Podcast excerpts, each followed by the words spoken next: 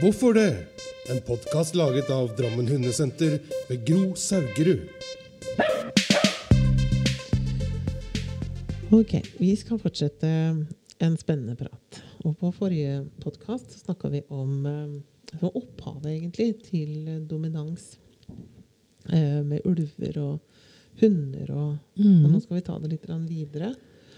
Um, litt inn i det verdibaserte, altså tankesettet mm. vårt. Se litt på tidslinja. Hvordan var det, og hvordan har det blitt? Og hvorfor har det blitt som det har blitt? Mhm. Ja, fordi i, si, I gamle dager så snakket man jo ikke noe særlig eh, om dominans. Eh, Så kom det etter hvert, som jeg nevnte i stad. Men så har du hatt måten man har trent hund på. Jeg tror en av de tidligere hundebøkene som kom ut, kom ut i 1910 i Tyskland. Konrad Most. Den boken er faktisk gitt ut nå for bare noen få år siden i ny utgave. Ok. Eh, eh, så den, den er jo på en måte litt sånn militærmodellen. Mm. Og vi har jo noen eh, i hundebokforfattere her i Norge som også skrev noen bøker på 70-tallet som var veldig inspirert av den måten å tenke på. Om vedkommende skrev, hadde lest Konrad Most eller har hørt om det, vet jeg ikke, men, men det var veldig mye likt. Mm. Eh, um, da var det jo liksom fokus på at du skulle være sjefen, og liksom, du skulle være lederen, og du skulle være dominant. Og det var liksom litt sånn militant, militært. Når man skulle trene hund, så gikk, man ut og marsjerte. Mm. Det var jo sånn vi begynte å trene hund. Ja, Det var marsjering. Å ja. Fremadsj. og Ja, ja. Holdt. man Ja. og, og det ble kommandert liksom fra midten, og alle gikk ring. Mm. Eh, altså Eller på linje. Ja. Vi gikk veldig mye ring, husker jeg. Mm. Gjør alt. Og det er jo litt sånn i lydighetskonkurranser og sånn enda, så blir Så man jo er kommandert. sånn, ja. Veldig inspirert fra sånn militært. Men, Mm. men um, det kan ikke sammenlignes allikevel, det. Altså. Nei. Men det som er litt interessant, er jo også det at um, uh, vi har jo disse tidlig som begynte å gjøre for forskning innenfor læringsteori. Og man vet jo veldig godt på hva klassisk operantbetinging er, og hvordan det fungerte, og det var brukt i praksis eh, under krigen f.eks., hvor man trente dyr til å dra av gårde med sprengstoff f.eks. Mm.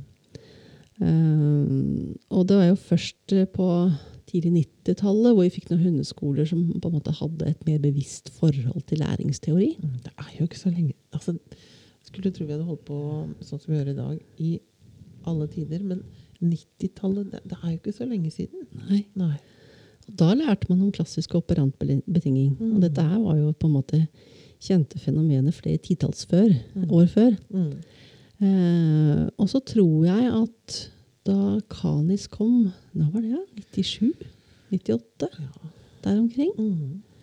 Eh, så kom Kanis med bladet sitt, med nettside. Internett var jo kommet. Og jeg mener Internett var jo også en veldig viktig faktor på Mm. informasjonsspredning. Så jeg tror nok eh, timingen der var veldig heldig. Ja. Um, Du fikk jo tilgang på andre hundetrenere, eller ja. dyretrenere. ja, folk begynte å lese bøker på engelsk, det kom internasjonale foredragsholdere osv. Mm. Da lærte jo folk læringsteorien sin. Mm. Fordi at, og så syns jeg selv, eh, med egen erfaring, at når jeg får en klikker i hånda, så Mm. blir jeg mer med i treningen enn når jeg bare virrer rundt uten den. Ja. For det er jo egentlig det det er. Det er jo et system. Ja. Det er jo ikke en metode i den forstand, men Nei. det er jo et system. Mm. Så, så da kom det jo da eh, mer belønningsbasert eh, trening, ja. Og den er på en måte basert på læringspsykologi. Folk må sette litt på skolebenken, lære litt teori.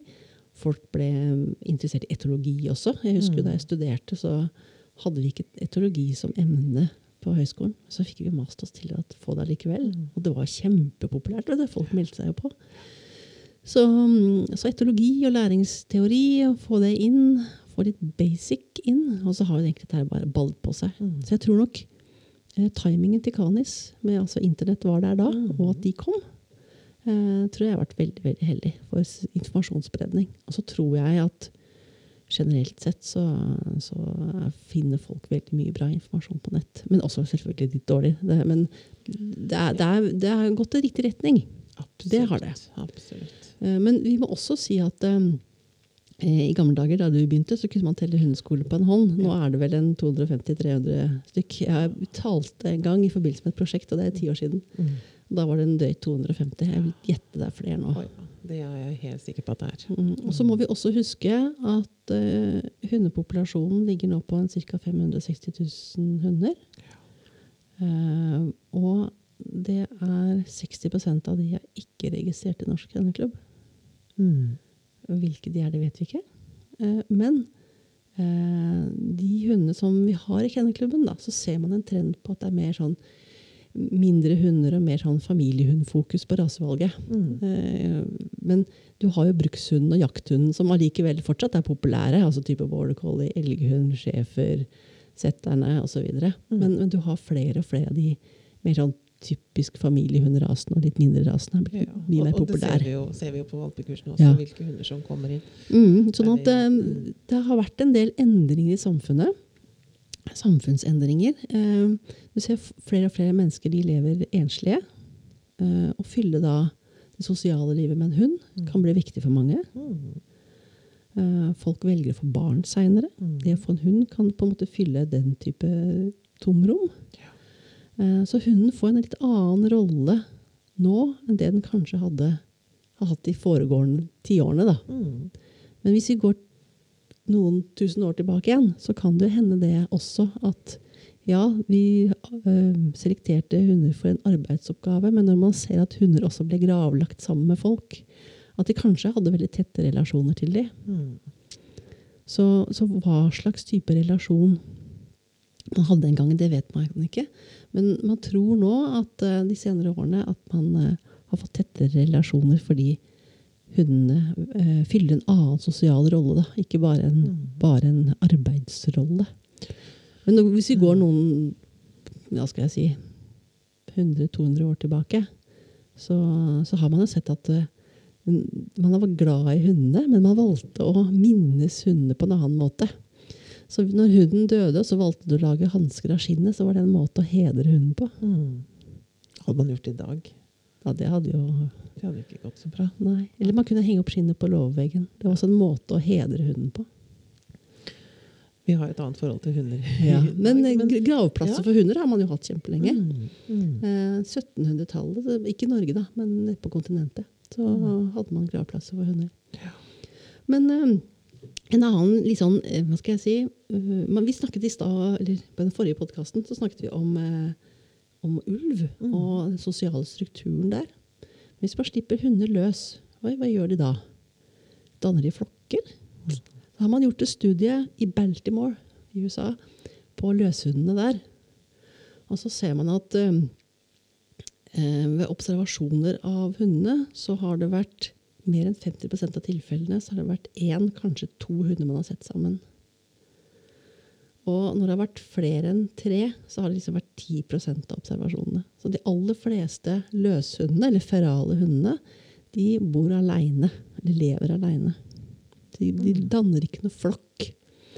Og det kan være Tenke på hva er det løshunder spiser. Jo, de går og eter søppel og finner matrester. De drar jo ikke på jakt. Mm. Det er jo ikke noe fordel å være mange sammen når du skal lete mat. Nei.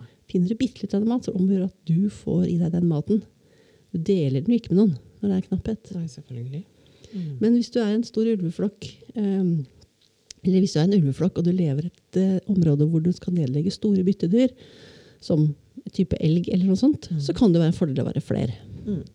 Men skal det være ulv som lever av hare, så trenger du kanskje bare én. Ja. Så eh, flokkstørrelsen og måten man skaffer seg mat på, er jo avhengig av eller, måten man skaffer seg mat på er avhengig av flokkstørrelsen på viltlevende arter. Mm. Men så har du da hundene så hvor man ser at de drar ikke på jakt. De bare finner De er åtseletere, holdt jeg på å si. Mm. Søppeletere. Mm. Så de, de lever bare én og én. Mm. Så ser man også at det er veldig høy valpedødelighet hos hunder. Og hadde de ikke fått rekruttering av familiehunder som kommer løs, så hadde de dødd ut. Eh, må klarer seg sjøl. Hannhunden han bare parer og reiser videre og parer neste. Ja. Det fører jo også til valpedødeligheten, da. Så de, hunder lever ikke i noen flokk, sånn som man tenker på med ulver. Nei. Og, og det må man kanskje ta med seg. Fordi at den kunnskapen som vi tenker at vi har, hentes på en måte at, at hun har jo vært ulv, men at den liksom lever veldig sånn ulvelikt. At vi Mm. skal eh, vi skal etterape flokkstrukturen. Ja. Men det er flokkstrukturen til en annen art, liksom. Art, ikke sant? Ja. Skulle vi sett på sjimpansen, sånn som, sånn som sjimpansen lever, sånn burde vi leve? Mm. Ja, jeg vet ikke. Er det noen som lever sånn? ja, men det, du kan jo lure. Nei, men det er klart det at, det, at vi må nok kanskje liksom huske at hun har skilt seg fra ulven for Ja. lenge, lenge, lenge Mm. siden. Men en andre interessante ting er at man har gjort studier hvor man har tatt små hundevalper og små ulvevalper og sluppet inn i et rom hvor de kan velge mellom å hilse på en annen hund eller et menneske. Hundevalpene har primært gått til menneskene for å hilse på først. Mm. Ulvevalpene har primært gått til hunden for å hilse på. Og så har man konkludert ut fra det at den primære sosiale At, at hunder på en måte de har blitt ev evolvert, eller de har blitt selektert for å være sosiale med mennesker, og ikke være sosiale med andre hunder. Mm. Så den ideelle sosialstrukturen hos hund er sammen med mennesker i en menneskegruppe. Eller menneskefamilie, eller ja, flokk, Mm. eller ja, hva man skal kalle det.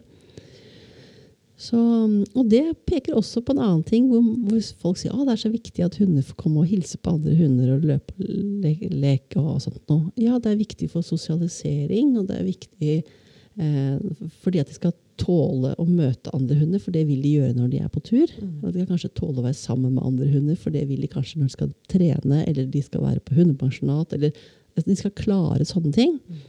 Men hunder har vel ikke nødvendigvis et behov for å treffe andre hunder og leke med andre hunder. Fordi deres primære sosiale gruppe er menneskene. Fantastisk. Hva slags dyr vi har klart å lage. Ja. Ja. Så ser man også det at um, hunder de titter på fjeset til mennesker eh, og kan se, kjenne igjen følelsene våre på en måte som ulver ikke gjør. De ser på eh, den venstre halvdelen av ansiktet vårt, hvor vi ut, gir uttrykk for mest mulig følelser. Mm. Når, når jeg ser på deg nå, så ser jeg primært på ditt venstre øye. Og det gjør jeg når jeg ser på deg òg. Ja. Ja. Og Vi sitter og ser på hvert vårt øye. ja. så, så ser vi på den siden av fjeset. Det gjør hunder også. De følger det øyet, de følger den siden av ansiktet, for det er der vi primært gir uttrykk for følelser. Hunder gjør ikke det mot hverandre. Ulver gjør ikke det mot mennesker, heller ikke mot hverandre. Så hundene har gjennom sin evolusjon lært å kjenne igjen følelsene våre fordi at de ser på den siden av fjeset. Hunder de skjønner intuitivt hva peking betyr. De ser på øynene våre hvor vi ser, for å få informasjon om hva vi vet. Mm. De kommuniserer til oss for å fortelle oss noe de har problemer med. Så det gjør det intuitivt. Mm. En måte som ulver ikke gjør. Så gjennom evolusjonen så har hunder, hjernen til hundene den har endret seg, sånn at de har lært å kommunisere med oss. På samme måte som mennesker altså gjennom sin evolusjon, sammen med hundene, blitt domestisert til å kommunisere med hunder intuitivt. Så vi har møttes på en måte. Vi, vi utvikles i retning av hverandre for å kommunisere og samhandle bedre.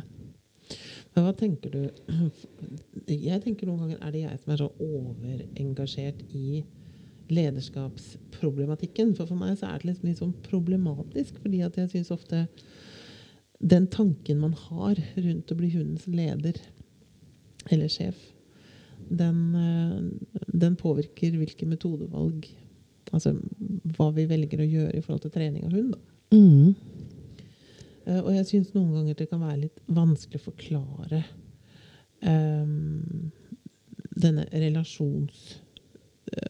eh, jeg vet ikke hvilke ord man skal bruke engang. Denne relasjonen rett og slett mellom hund og eier. Mm. Fordi at det, når, det ble, når vi var unge, da og, og som vi snakka om i stad, når, når vi gikk på hundeklubben, og når vi var oss på 80-tallet, før dette her eh, paradigmeskiftet igjen, da, Mm. så, så var det ganske enkle løsninger på hvordan man ble sjef. Enten så slang du en hund i bakken og holdt det der til de tok et innpust, eller ja, det var noen signaler de hadde på at de hadde gitt seg. Mm. Eh, eh, at du skulle holde de nede til de lå stille og sånne ting. Eller så var det ganske faste regler hvordan man ble leder. var å gå først ut døra. Mm. Hun skulle spise sist. Den skulle ikke være i sofaer og senger. Altså, man hadde noen sånne Ja, og Det er gjort studier på, faktisk. hvor man har sett at det Har noen effekt på atferden til hunden? Nei. Nei. Men det kan være praktisk. Mm. Jeg syns det kan være praktisk å for gå ut døren først, hvis jeg bor sånn til at det kan være folk eller katter utafor. Mm. Eh, jeg syns det kan være greit å ikke ha hund i senga hvis jeg ikke vil ha sand og hår i senga. Mm. Jeg syns det kan være greit å spise først hvis at matrestene mine skal bli en del av middagen til hunden. Mm. Altså, man har, kan gjøre de samme tingene, men det kan være andre argumenter for det. Mm. Av praktisk årsak. Mm. Men det påvirker ikke atferden. Men det er veldig Det er veldig Det er, det er liksom sånn, det drodler mye i mitt eget hode at, jeg, at når jeg får nye hundeeiere, tenker jeg hvorfor er denne tanken så fast? Folk som ikke har hatt hund før, hvorfor, hvorfor er det så låst fast at det første vi skal ordne med, altså det som er viktig å få, få til først, det er at hunden er liksom nederst på rangstigen. Barna må komme over hunden på denne rangstigen, og liksom det er vi som skal bestemme. Det er liksom en sånn gjennomgående prat man har på første Mm. kurskveld. Hva er så viktig for deg? Jeg tror kanskje det at det, Ja, vi bestemmer jo. Vi Mm. bestemmer jo når den får mat og går tur, og, og det er aktiviteter osv. Men masse smådetaljer bestemmer vi ikke. Men eh, istedenfor å si at det ikke er dominans og det er ikke lederskap, så heller bare si hva det er. Mm. Eh, fordi at du kan ikke si at det ikke er noe, men du må fylle det ikke med noe. Mm. Eh, det blir sånn som vanlig Det blir jo så vanlig. Ja. Ikke hopp. Hva skal du gjøre i stedet? Ja. Ja. Ja, men, men det som er litt eh, du trekker, Når vi snakket litt om dominans, Mm. som er en relasjon mellom to individer, som fastsettes av den som gir det fra seg til noen som får førsteretten til et eller annet, som da varierer vel om hvem som møter hvem, og hvilke situasjoner og dagsform osv. Men så er det det som mange snakker om lederskap. Som hos, I noens hoder så er det synonymt med dominans. Men i andres hoder så snakker man om dette med omsorg og tillit og ansvar osv. Um, og noen sier at uh, hvis du er lederen, så følger hun etter deg.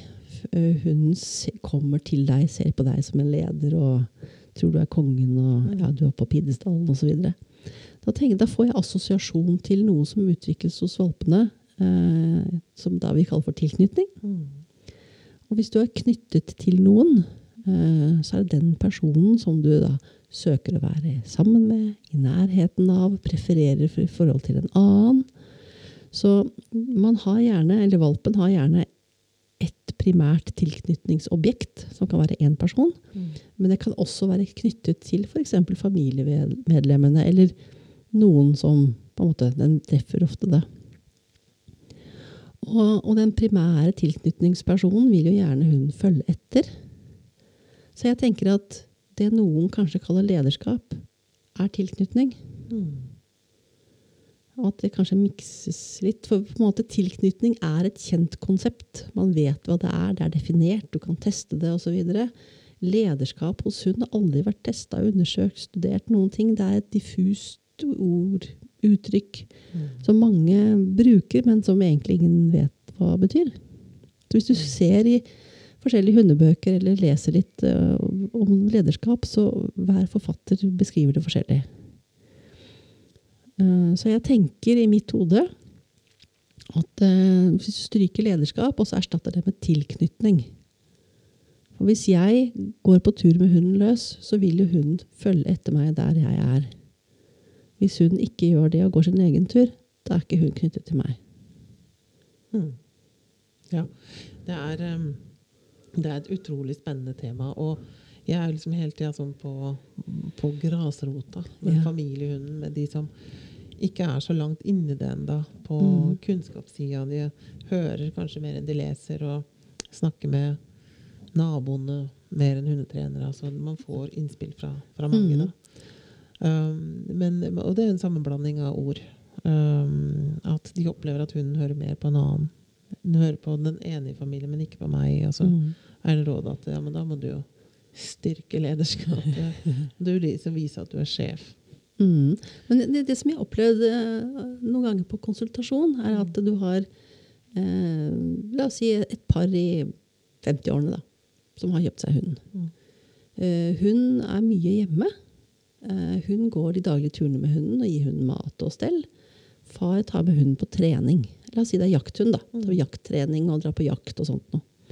Så mor er den primære omsorgspersonen, mens far er den som står for de morsomme aktivitetene. Mm. Og det mor noen ganger oppgir, er at hunden er mer glad i far, og mer lydig overfor far. Eh, og da kan det jo ha med at hun har mer forventninger til far, fordi far står for de morsomme aktivitetene. Hvis de hadde byttet roller, da, at mor dro på treningen og far var hjemme og, og ga hunden mat og gikk sånne daglige tisseturer, så kan det hende det at hun hadde fått en annen relasjon til individene. Mm. Så, så hva man gjør sammen med hunden, har jo også mye å si på den relasjonen man utvikler. Mm. Og så har man en annen type relasjon som man kaller for antropomorfisme. Som Antro-menneske. Morf betyr form. Altså at man tillegger hunden menneskelige tanker, egenskaper, følelser og behov. Og I noen miljøer så er det jo nesten fy-fy-ord å liksom menneskeliggjøre hunden. Men det som er viktig, er at man må, når man menneskeliggjør hunden litt så Hvis man ser en redd hund, så vet man åssen den følelsen er selv. Så vil man gjenkjenne det hos hunden, og så ta hensyn til det. Sånn at man må ha en viss grad av antropomorfisme for å kunne gjenkjenne eh, hvordan hunden har det. Mm. Og, og, og endre, tilrettelegge, sånn at man øker velferden til hunden. Men så kan man trekke den for langt. Man tror at hunden har de samme behovene som det menneskene har. Som da kanskje kan gå utover dyrevelferd igjen. Sånn at det er en gylne middelvei. Mm. Så, så grad av antropomorfisme har også litt å si på hva slags relasjon hunden får til eieren sin. For veldig høy grad av antropomorfisme, og som kan kanskje ikke konsekvent, og så kan du faktisk få en hund da, som styrer og steller i heimen. Som sier 'nå skal jeg ha indrefilet', og så får han det. Ja, får det. Vil ikke ha noe annet ennå, vet du. Nei, helst med bacon på. Ja. ja, den får jeg ikke til å vite noe. Ja, nei, og vi har eh, mange, mange sånne historier.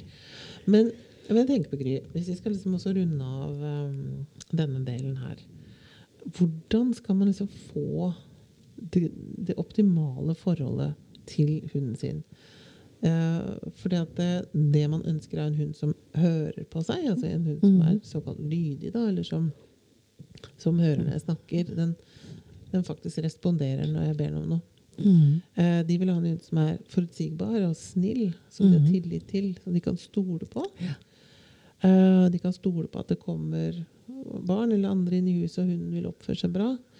Og de vil gjerne ha en grei hverdag, at det er behagelig å gå tur. Altså, de vil ha det, de vil ha det Hvis vi snakker litt sånn, litt sånn overordna, mm. så tenker jeg at eh, hvis hunden får en normal tilknytning til familien, man eh, tar med hunden ut og skaper mestringssituasjoner for hunden, så den lærer å mestre nye situasjoner, gjøre nye ting, treffe forskjellige miljøer, forskjellige mennesker.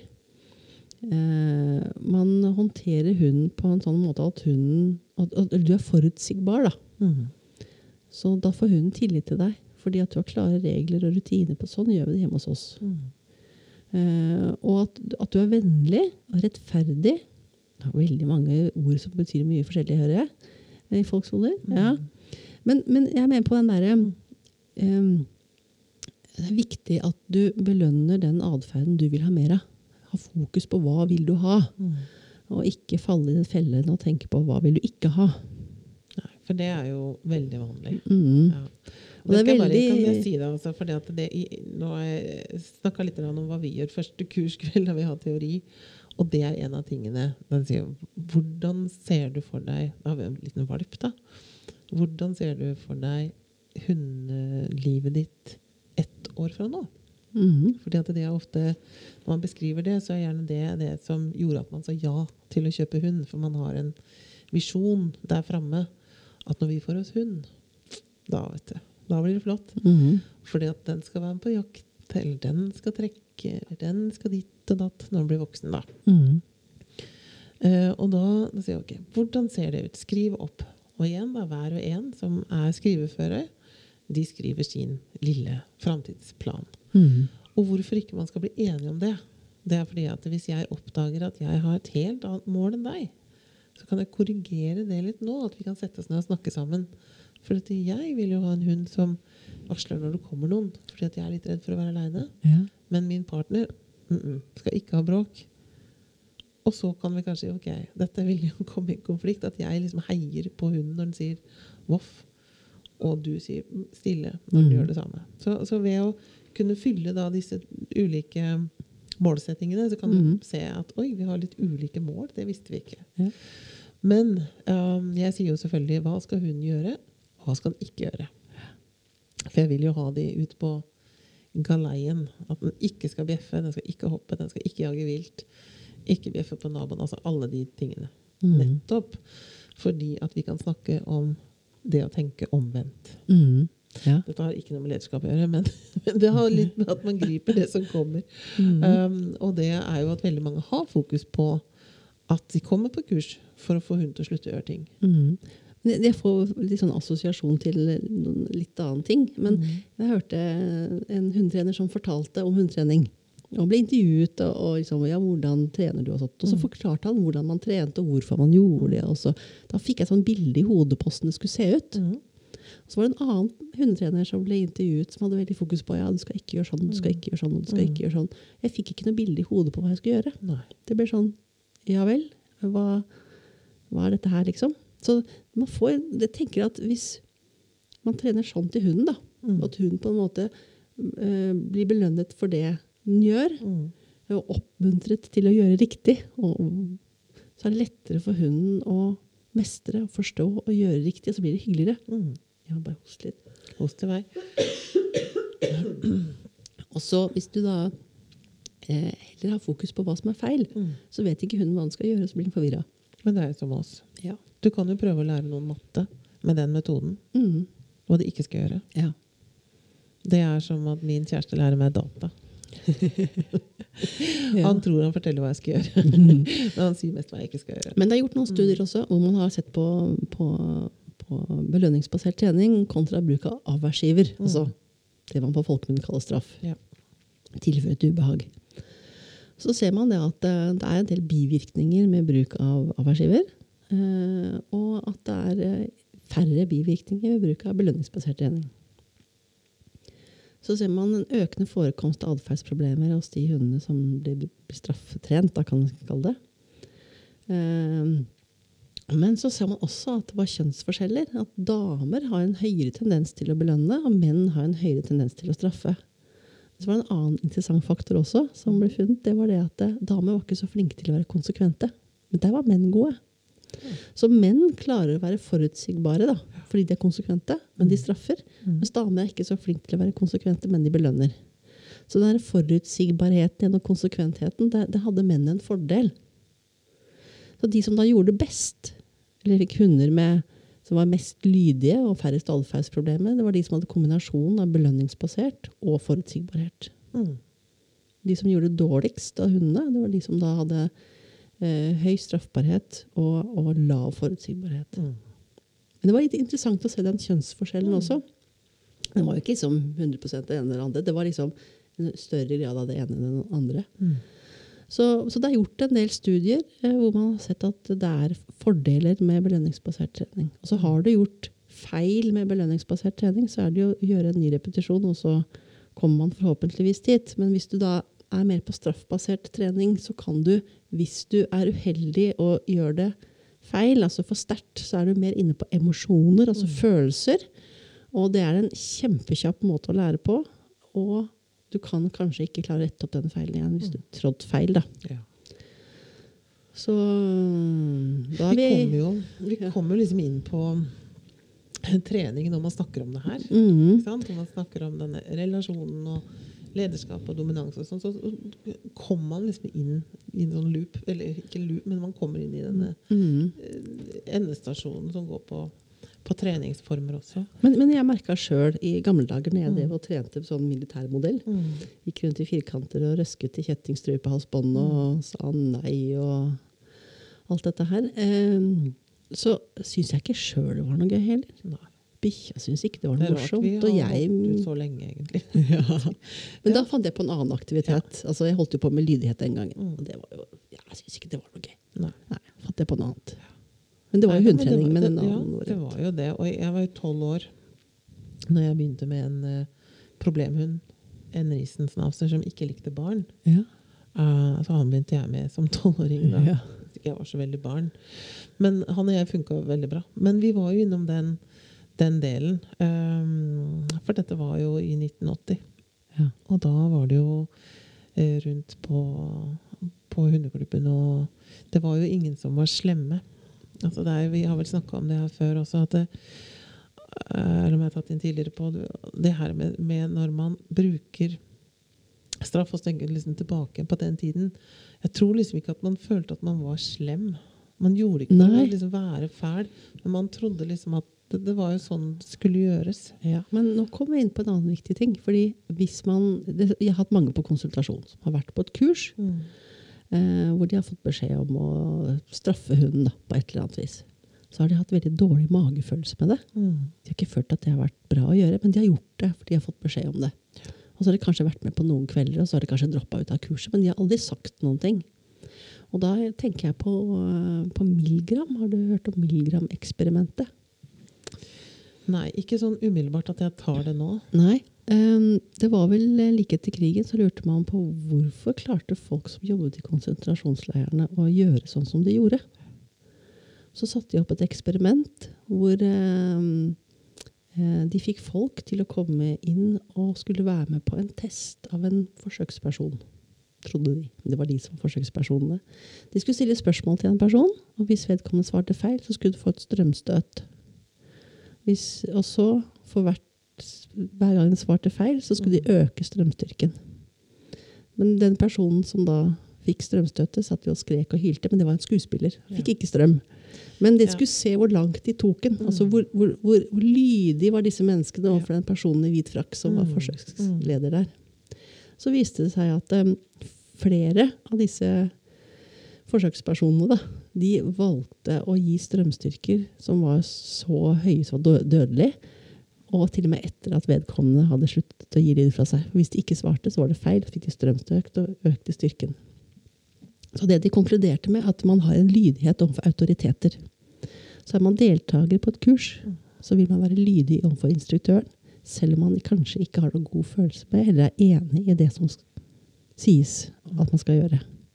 Så veldig mange de velger da å gjøre ting med hunden sin som man egentlig ikke ville ha gjort, men fordi noen sier at de skal gjøre det. Nå får jeg sånn derre Jeg håper ikke det er noen sånne som, som går på kurs hos meg, som føler at de må, må gjøre noe selv om vi sier det. Nå er vi hyggelige, da. Det må jeg si. Ja, Men, men ja.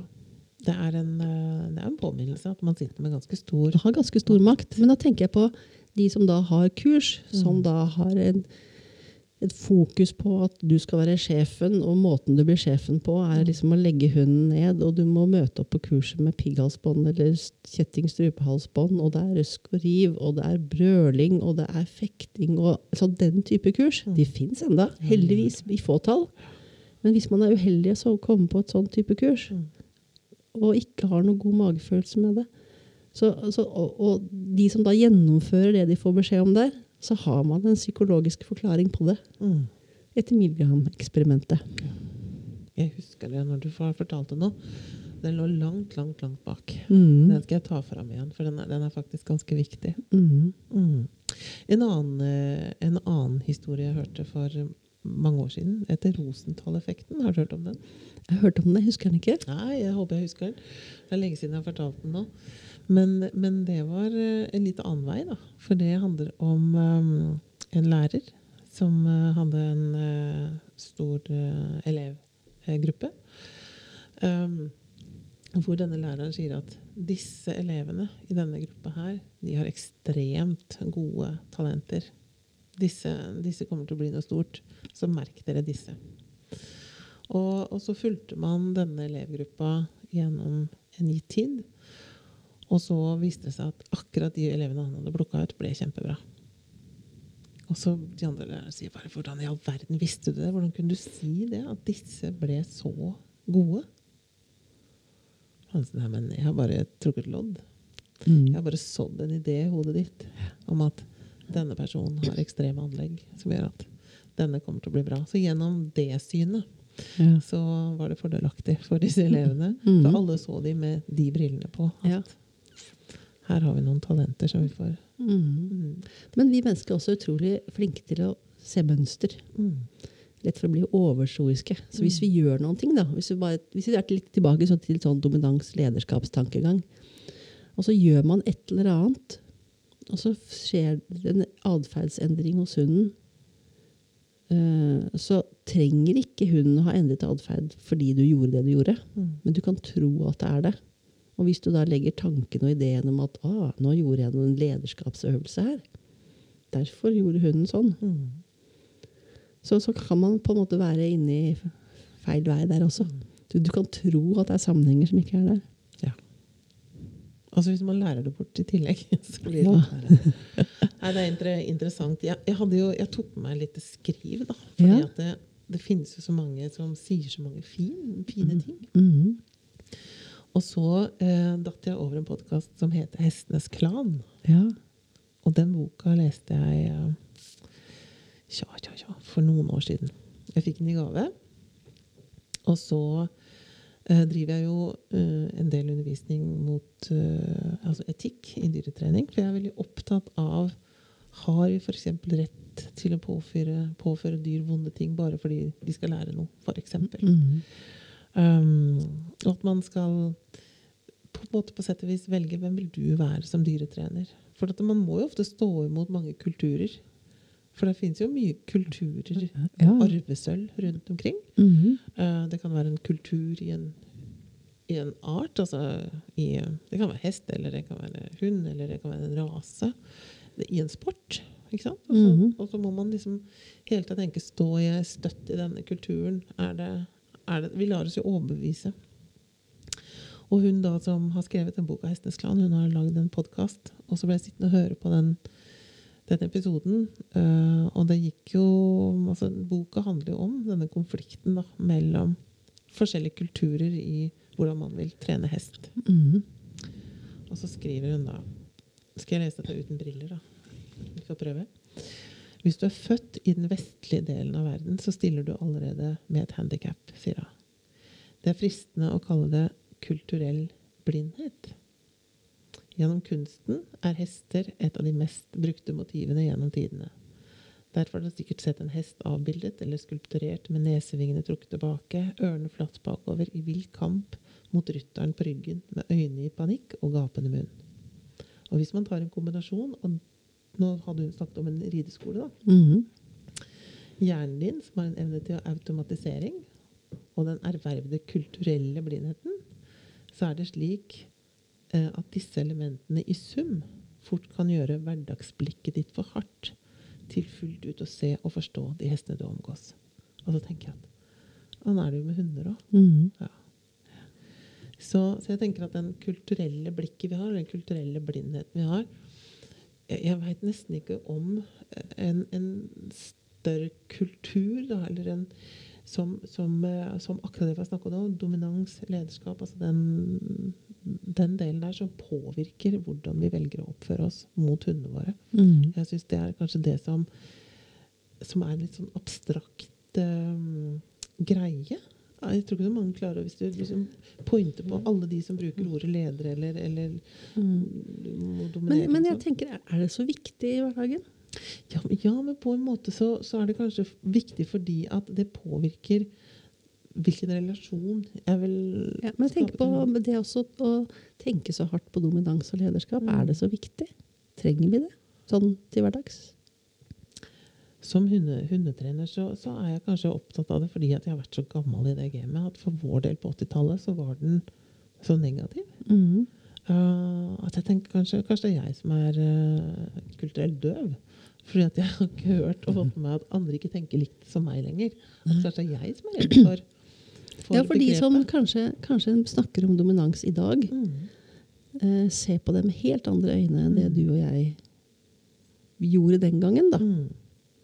Men jeg mener, oppfatter sjøl at jeg har endret veldig idé om hva det er for noen ting. Mm. Men greia er det at når andre snakker om dominans, så vet ikke jeg Tenker de på dominans på den måten jeg tenker nå, eller sånn som jeg gjorde før? Mm. Det vet jeg jo ikke. Nei. Fordi den der måten jeg tenkte på før, er så utbredt. Mm. Ja.